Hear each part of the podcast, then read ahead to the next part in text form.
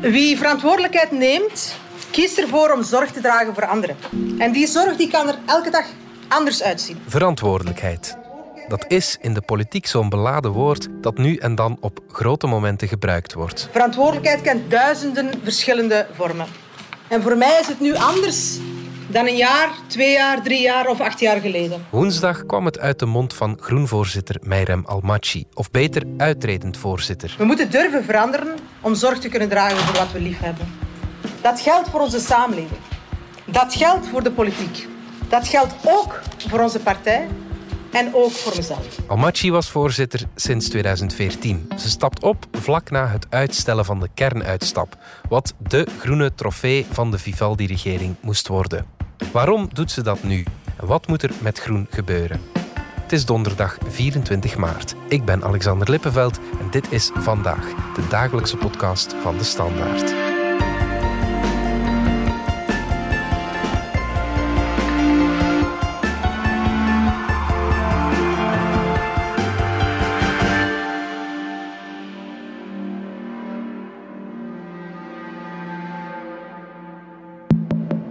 Nog even een korte boodschap. Volgende week houden we een podcastfestival in Oostende op 1 en 2 april met veel nationale en internationale toppers zoals Welcome to the AA, de New York Times en audiocollectief Schik. En wij ook natuurlijk. Meer info vindt u op dspodcastfestival.be. U kan ook tickets winnen als u surft naar standaard.be-wedstrijd. En u krijgt er zelfs een heerlijke garnaalkroket bovenop, want laat ons eerlijk zijn, dat is misschien wel de essentie van onze kust. Maar nu Meirem Almachi. Ik kies bovendien voor mijn partij, de partij die ik zo graag zie. Door nu te vertrekken als voorzitter. Zorg dragen voor wat je lief hebt, betekent ook kunnen loslaten. Jan-Frederik Abloos, chef Hallo. politiek. Almachi stapt op. Ben je verrast? Uh, ja, en nee, het hing al eventjes in de lucht. Mhm. Er was wel binnen Groene ook uh, stemmen die zeiden van... Ja, met Almachi gaan we niet naar de verkiezingen Mhm. in 2024. Daar hebben we toch iemand anders voor nodig. Maar bon, ja, dan is het nog altijd afwachten wanneer dat, dat moment er dan echt komt waarop ze effectief ja, kiest voor de uitgang. Ja. Het was wel duidelijk dat er achter de schermen ja, een proces bezig was om die exit, laat ons zeggen, op een elegante manier te organiseren. Mhm. Groen is ja, niet de partij waar men uh, wordt niet met een rug vol messen Ja, ja, ja, uh, ja. naar buiten stuurt. Ja, inderdaad. Ik vind de timing op zijn minst toch wel ja, opvallend. Mhm. Mm, Er was dat energieakkoord, of eh, dat akkoord over die uitgestelde kernuitstap afgelopen vrijdag. Ja. Dit weekend zat Almachi dat nog met hand en tand te, te verdedigen, in de zevende dag onder andere. Wij hebben beslist in het akkoord eergisteren om naar 8 gigawatt te gaan. Dat is elk jaar één grote kerncentrale dat je vervangt door hernieuwbare energie. Wij gaan 18 miljard euro minder uitgeven in dit land toch, door dit akkoord toch, aan gas toch, en olie. Nu stapt ze op. Mhm. Je krijgt wel de indruk dat ze het echt als een falen zien, hè? Die, dat hele akkoord. Wel, Zelf eh, zegt ze dat de knop bij haar reeds in de zomer is omgedraaid. Op het moment dat ze in het buitenland zat en dat ze toch ook weer, laat ons zeggen, uit vakantie is teruggehaald mentaal. Omdat toen de vergunning eh, geschrapt werd voor de gascentrale in Vilvoorde, die moest gebouwd worden. Dus dat zat al helemaal in de nucleaire discussie. Ik dacht er al een tijdje aan om mijn mandaat als partijvoorzitter vervroegd terug te geven. Ik wachtte op het juiste moment. Maar, en dat weten jullie allemaal heel goed, politiek kan soms heel onvoorspelbaar zijn. En het juiste moment kan soms heel lang op zich laten wachten. Zelfs al heb je in marmer gebeiteld dat je wil vertrekken. Dan was het nog altijd hè, haar versie van de feiten de bedoeling om in december de fakkel door te geven, of op zijn minst het vertrek aan te kondigen, omdat er toen gezegd was dat er zou een, ja, een akkoord gevonden worden over het nucleaire. Ja. Dat is dan pas maart geworden. En, ja, en nu is dat akkoord er en kan ze dus afscheid nemen. Nu zelf geeft ze, steekt ze niet onder stoelen of banken dat dat akkoord pijn doet. Eh, verlenging van die twee jongste kerncentrales met tien jaar. Dat stond niet in het groene script. En bon, dat is nu een akkoord dat zij niet meer zal moeten verdedigen. Dat is iets voor haar eh, opvolger binnenkort. Ja. Mijn twee kinderen hebben nooit anders geweten dan dat ze een moeder hadden die heel hard werkte en heel weinig thuis was. En dat begon meer en meer te wringen. En voor mijn gezin was het goede moment eerder gisteren dan vandaag. En dus kies ik er nu voor om meer zorg te dragen voor die mensen die mij de afgelopen jaren ontzettend hard gedragen hebben. Mijn vrienden, mijn familie, mijn naasten thuis. Zijn het echt die persoonlijke redenen die nu de doorslag geven? Of is dit nu eenmaal, ja, om het cru uit te drukken, een, een gemakkelijke scalp? het zal een combinatie van factoren zijn. Er is haar persoonlijk traject waarbij ze het eh, moeilijker en moeilijker vond om in die politieke arena te blijven boksen. Acht jaar voorzitter, eh, veertien jaar aan de toppolitiek. Ja, dat weegt natuurlijk, uh, ook op een privéleven. Maar ja, gaandeweg vindt zij dat de toon in die politieke arena alsmaar verhard is. Mhm. de, de, het gevecht tussen de topstukken is bitser geworden. En daar kon zij moeilijker ja, zich tussen positioneren. Maar op het moment dat, dat Meirem Almaty in een debat zat, uh, ja, dan kwam er toch wel heel vaak een schimpscheut richting de NVA, richting Georges-Louis Boucher. Ja. Op dat vlak was het natuurlijk ook geen, geen heilig boontje en dief ze wel eens fors te gaan. Maar ja, het, het lag haar duidelijk minder. Ehm, en ja, ze kon er ook minder mee scoren dan haar ja, mannelijke collega's, want dat moet ook gezegd worden. En mhm. dat is iets dat ze zelf natuurlijk ook heeft aangehaald, zeker bij het vertrek van Gwendoline Rutte als voorzitter bij de Vlaamse Liberalen, mhm. is dat zij lang de enige vrouwelijke partijvoorzitter was. Mhm. Ja, nu is er misschien straks geen meer. Ja. En zij schrijft dat toch ook toe aan een zeker macho-cultuur binnen de top van de partijpolitiek. Ja. Um, die ervoor zorgt dat het voor, uh, voor vrouwen uh, moeilijker is om, om mee in dat, dat, dat haantjesgevecht zeg maar, te, mee te draaien. Ja, oké. Zij is ook de voorzitter die het minst hoort en waar het minst over gezegd wordt, toch denk ik in. Maar het is voor een deel bewust. Men heeft uh, zeker bij de start van Vivaldi in 2019, de start van de federale regering De Croo, bij Groen de analyse gemaakt: wij hebben er niet veel bij te winnen om altijd hmm. in dat opbod mee te gaan, om heel centraal te staan in de politieke discussie, in het publieke debat. Verantwoordelijkheid nemen is niet hetzelfde als denken dat je onmisbaar bent. Ik ben niet onmisbaar. Ik ben geen partijvoorzitter die de week geslaagd vindt als alle tweets en alle columns over haar gaan wij gaan ons vooral moeten bewijzen als bestuurspartij. Want ook daar natuurlijk, ja, na eh, twintig jaar in de oppositie, had Groen wel iets goed te maken. Het is uit verantwoordelijkheid dat we uiteindelijk in Vivaldi zijn gestapt. In een stormachtige periode toen niemand het verwachtte tegen de antipolitiek in, die we ook in 2019 in de uitslag zagen. En als kind die opgegroeid is in tijden van Zwarte Zondag, was dat voor mij belangrijk. Om de verrotting te stoppen, het bestuur van dit land uit een impasse te trekken. Alleen zie je dat die strategie, gecombineerd met een voorzitter die misschien ja, minder aanwezig is dan pakweg een Paul Magnet, een Georges-Louis Boucher, een Bart de Wever vanuit de oppositie, een Conor Rousseau, dat dat wel geleid heeft in een erosie in de peilingen, in de score van Groen. Ja, ja. En je mag dat nog zoveel relativeren als je wil, die peilingen, en zeggen Almachi doet het nu weer bij ons in een interview. Uiteindelijk zullen de mensen ons wel belonen. Mhm. Maar hoe dan ook zorgen slechte peilingen voor frustratie, voor zenuwachtigheid in een partij. En is dat iets dat vroeg of laat afstraalt op, op, de, ja, op de voorzitter? Net zoals dat een trainer bij een voetbalploeg na een paar slechte resultaten. Oké, je kan nog altijd kans maken op de titel, mhm. maar als je te veel verliest op rij, Oh, dan komt er een moment dat je vliegt. Maar je kan ook niet zeggen dat hun spitsen dat die heel vaak scoren. Tine van der Straten mhm. moet de uitstel van die kernuitstap nu slikken als minister van Energie. We hebben eigenlijk vandaag nog nooit zo ver gestaan. Eigenlijk zijn we vandaag op de goede weg. Is er vandaag een perfecte oplossing? Nee, die is er niet. Als er twintig jaar nauwelijks beleid wordt gevoerd, dan is het vandaag sowieso niet meer gemakkelijk. Maar we kunnen dit in handen pakken, omdat we dit de ideale mogelijkheid is om die overgang te maken naar die 100% hernieuwbare energie. We hebben vandaag een productiepark dat oud is en we hebben dure prijzen. Terwijl ja, Petra de Sutter in onze krant nog zei, deze regering gaat de geschiedenis in als de regering van de kernuitstap. Mhm.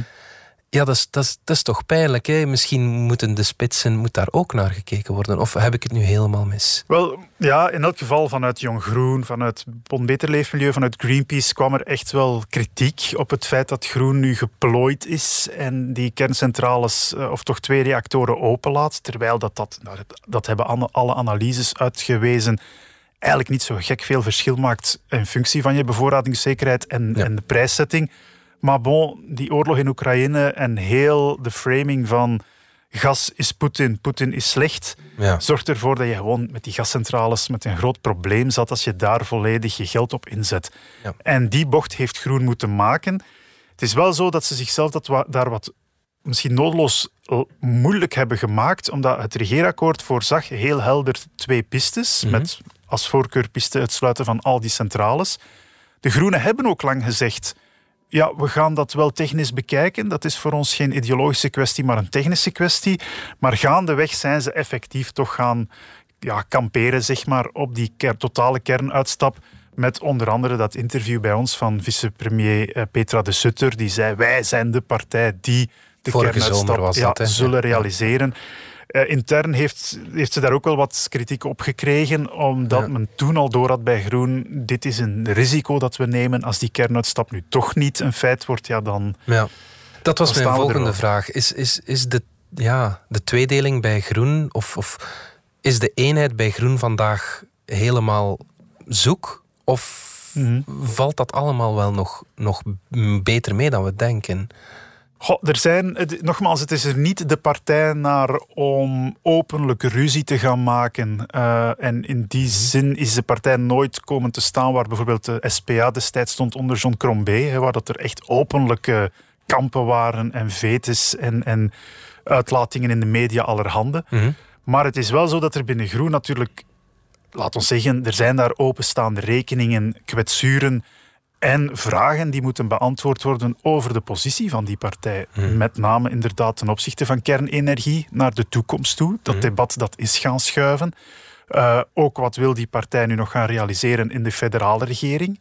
Um, in de Brusselse regering is ze ook vertegenwoordigd natuurlijk. Hmm. Maar er zijn ook, ja, herinner je het, het geval van Christophe Calvo, iemand die geen minister is mogen worden in die federale ploeg. Die is uh, vervolgens een heil gaan zoeken, laat ons zeggen, of gaan herbronnen in Nederland. Maar bon, wat nu met Christophe Calvo, nu Merem Almaty geen voorzitter meer is. Mm dat zijn toch nog veel vragen over waar die partij nu heen wil. Ja. Almaty zegt het is een goede zaak dat ik dat nu niet, dat vernieuwingstraject verder ga zetten, maar waar dat traject nu precies naartoe moet ja. en wie daar het gezicht van wordt, dat is eigenlijk helemaal onduidelijk. Ja, ja, inderdaad. Critici zouden misschien kunnen zeggen, ze verlaten zinkend schip. Hebben ze daar een punt? Dat vind ik heel heel straf gezegd. Mhm. Maar het is wel zo dat Groen op dit moment niet in die flow zit waar zij in 2018, begin 2019 dachten in te zitten. Mhm. Ehm, zeker met de lokale verkiezingen van 2018 hadden zij het gevoel: oké, we krijgen hier meer en meer voet aan grond. Ehm, het leidde ook niet echt tot. Ja, ze hebben uiteindelijk maar één burgemeesterscherp, die in Zwijndrecht, waar ze ook nog niet zo heel veel plezier hebben aan beleefd dankzij PFOS. Ja. In Gent was het net niet, mhm. ehm, bijvoorbeeld voor um, Philippe Watteeuw. Ja. Maar dan moest 2019 eigenlijk de bevestiging worden en dat is nooit gebeurd. Mhm. Eh, het is wel zo dat die partij is vooruitgegaan als een van de weinige niet-radicale partijen. Ja. Ehm, eigenlijk heeft Almaty haar partij binnengeloodst in zowel de federale als de Brusselse regering. En toch is er altijd het gevoel gebleven van de overwinningsnederlaag. Um, het had meer kunnen zijn. We hebben ons momentum gemist. Ja. En nu is dat momentum even weg. Ja, ja, ja, inderdaad. Wat moet er nu gebeuren? Is het nog op tijd om zo'n nieuw momentum te creëren tot, tot aan de verkiezingen van 24? Goh, ik denk dat de partij nu eventjes wel in een, een beetje een, een fuik zit. Federaal hangen ze wat vast aan het regeerakkoord natuurlijk. Daar is de grote vraag hoe dat Tine van der Straten nu heel die energiedeal gaat laten landen. Uh, de onderhandelingen met Engie zijn daarin cruciaal. Mhm. Eh, maar stel dat die afspringen, dan dreigt dat nog eens uh, negatief af te stralen op groen. Mhm. Ehm, en voor de rest zitten ze... Ja, je zit eigenlijk nu nog te ver van de verkiezingen om heel goed te weten op welke manier dat je daar uh, naartoe werkt? Het is nu aan andere mensen. Dat zal groen deugd doen. Want ons land kan een groen in topvorm gebruiken. Met Petra, Tine, Elke en mijn opvolger in de spits. Je moet wel op dit moment proberen toch al mensen in posities te brengen waar dat je straks kan mee uitpakken. Ja. Zoals dat bijvoorbeeld ja, Conor Rousseau beslist, ik ga in Sint-Niklaas opkomen en niet in Gent. Dat soort keuzes moet je wel maken. Welke kartels wil je in 2024 op de mat krijgen in het najaar? Ja. En hoe wil je die Vlaamse federale verkiezingen eh, gaan winnen in het voorjaar? En dat wordt nu de grote vraag voor de opvolger van Almaty. Ik, ik weet niet hoe ver de discussie daarover binnen die partij al gaande is. Ja, je zou toch kunnen denken als Almaty die beslissing voor zichzelf al vorige zomer gemaakt heeft, dat ze daar toch op zijn minst al mee bezig zijn. Ja, ja dat is zo. Ja, ehm, En je kan je ook afvragen of het niet te laat is, of ze het niet al eerder had moeten ehm, ja, het stokje doorgeven. Er zijn al langer mensen binnen de partij die, zoals ik zei, overtuigd waren en het ook gewoon zeiden achter de schermen van kijk, met Almaty kunnen we niet naar de verkiezingen. Mhm. Ehm, alleen zeg ik, heeft men daar ja, een, een traject willen bedenken waarbij dat uh, Meirem Almaty met opgeheven hoofd naar de uitgang kan en er vervolgens geen klanoorlog uitbreekt uh, binnen de Groenen. Um, dat laatste zal nu nog moeten blijken, hoe dat die opvolging geregeld wordt en in hoeverre dat dat niet gaat leiden tot heel vervelende debatten. Of dat je zoals bij CD&V plots een dans krijgt hè, van zeven uh, kandidaten of meer. Ja. Um, ik weet niet of daar achter de schermen al discussies over gevoerd zijn mhm. binnen Groen, maar ja. het is een delicaat moment voor een partij in de meerderheid die ook nog eens op een heel cruciaal punt, namelijk die energiedeal, ook niet goed weet nu wat, waar gaan we landen. Ja. Om dan geen sterk voorzittersmandaat te hebben, dat is, dat is niet ideaal. Ja, ja, ja. Zijn er al namen die, uh, die klinken als opvolger? Wel, je hebt uh, namen die, die al een tijdje de, de ronde doen, omdat ze natuurlijk in de picture lopen. Iemand als Petra de Sutter natuurlijk, uh, huidig vicepremier, uh, die gaat over de tongen. Je hebt ook de huidige politieke directeur Bogdan van den Bergen. Mm geraakt in 2019 niet verkozen in de Kamer, maar heeft dan als politiek directeur achter de schermen wel al heel veel werk verricht in het herpositioneren van de partij. gaan naar hem kijken ook sommige mensen naam van Elke van den Brand uit uh, Brussel bijvoorbeeld, minister uit Brussel, die loopt ook wel in de kijker. Maar een uitgesproken favoriet is er niet. Mhm. Er wordt natuurlijk ook gevraagd wat zal Christophe Calvo doen. Ja. Wat doet iemand als Joska die de vorige keer verloren heeft van Almaty bij de haar herverkiezing in 2019. Ehm, ja, die mensen zullen nu allemaal moeten uh, hun intenties kenbaar maken. En mhm. dan, dan kan de race starten. Ja, omdat onze partij altijd de partij zal zijn van de zachte wapen, van empathie, van wederzijds begrip. Dat is wie we zijn. En als volbloed-democraten staan wij pal voor onze idealen. En we strijden ervoor waar we maar kunnen. En tegelijkertijd laten wij ook die empathie toe. Ja, twijfel, verbondenheid. Wat moet er gebeuren om terug de nodige schwung te krijgen om, om de kiezer te verleiden? Ja, dat is een hele moeilijke. Ik denk, op de, er zijn twee kanten waar groen uit kan. Hè. Dat is altijd al het verhaal van die partij. Mhm. Dat is de, wat men dan noemt hè, de realo-kant of de fundi-kant. Men kan straks naar de kiezer gaan met een heel donkergroen radicaal project, links-radicaal groen project, uh, over uh, ja, groei, ecologie, uh, wat dan de plaats van de, van de kerncentrales daarbinnen is en zo verder enzovoort. Ja. Of men kan proberen om die verbreding naar het centrum te doen met een eerder, ja, laten we zeggen, groenig uh, eh, CD&V-programma. Ja. En dat is altijd een beetje de twee kampen waartussen dat die partij, ik zal niet zeggen zwalpt, maar wel, je hebt binnen Groen mensen die echt heel hard gewonnen zijn voor dat uh, diep groen linkse verhaal. Mhm. En je hebt een strekking die echt vindt van wij kunnen maar groot worden als wij ons verbreden naar het centrum toe. Als wij een zeer een, een redelijk pot op tafel leggen, gematigde toon aanslaan. Ehm, en opnieuw, dat zal denk ik nu een discussie zijn die achter het aanduiden van die nieuwe voorzitter opnieuw plaats zal gaan vinden. Ja, inderdaad. Goed. Ja, Frederik Kabeloos, dankjewel. Graag gedaan. Dit was vandaag de dagelijkse podcast van de Standaard. Bedankt voor het luisteren. Ken je trouwens DS Podcast al, de podcast-app van de Standaard? Daar luister je niet alleen naar onze journalistieke reeksen, je krijgt ook elke week een eigenhandige selectie van de beste nieuwe podcasts op de markt. Alle credits van de podcast die je net hoorde vind je op standaard.be-podcast. Reageren kan via podcast.standaard.be. Morgen zijn we opnieuw.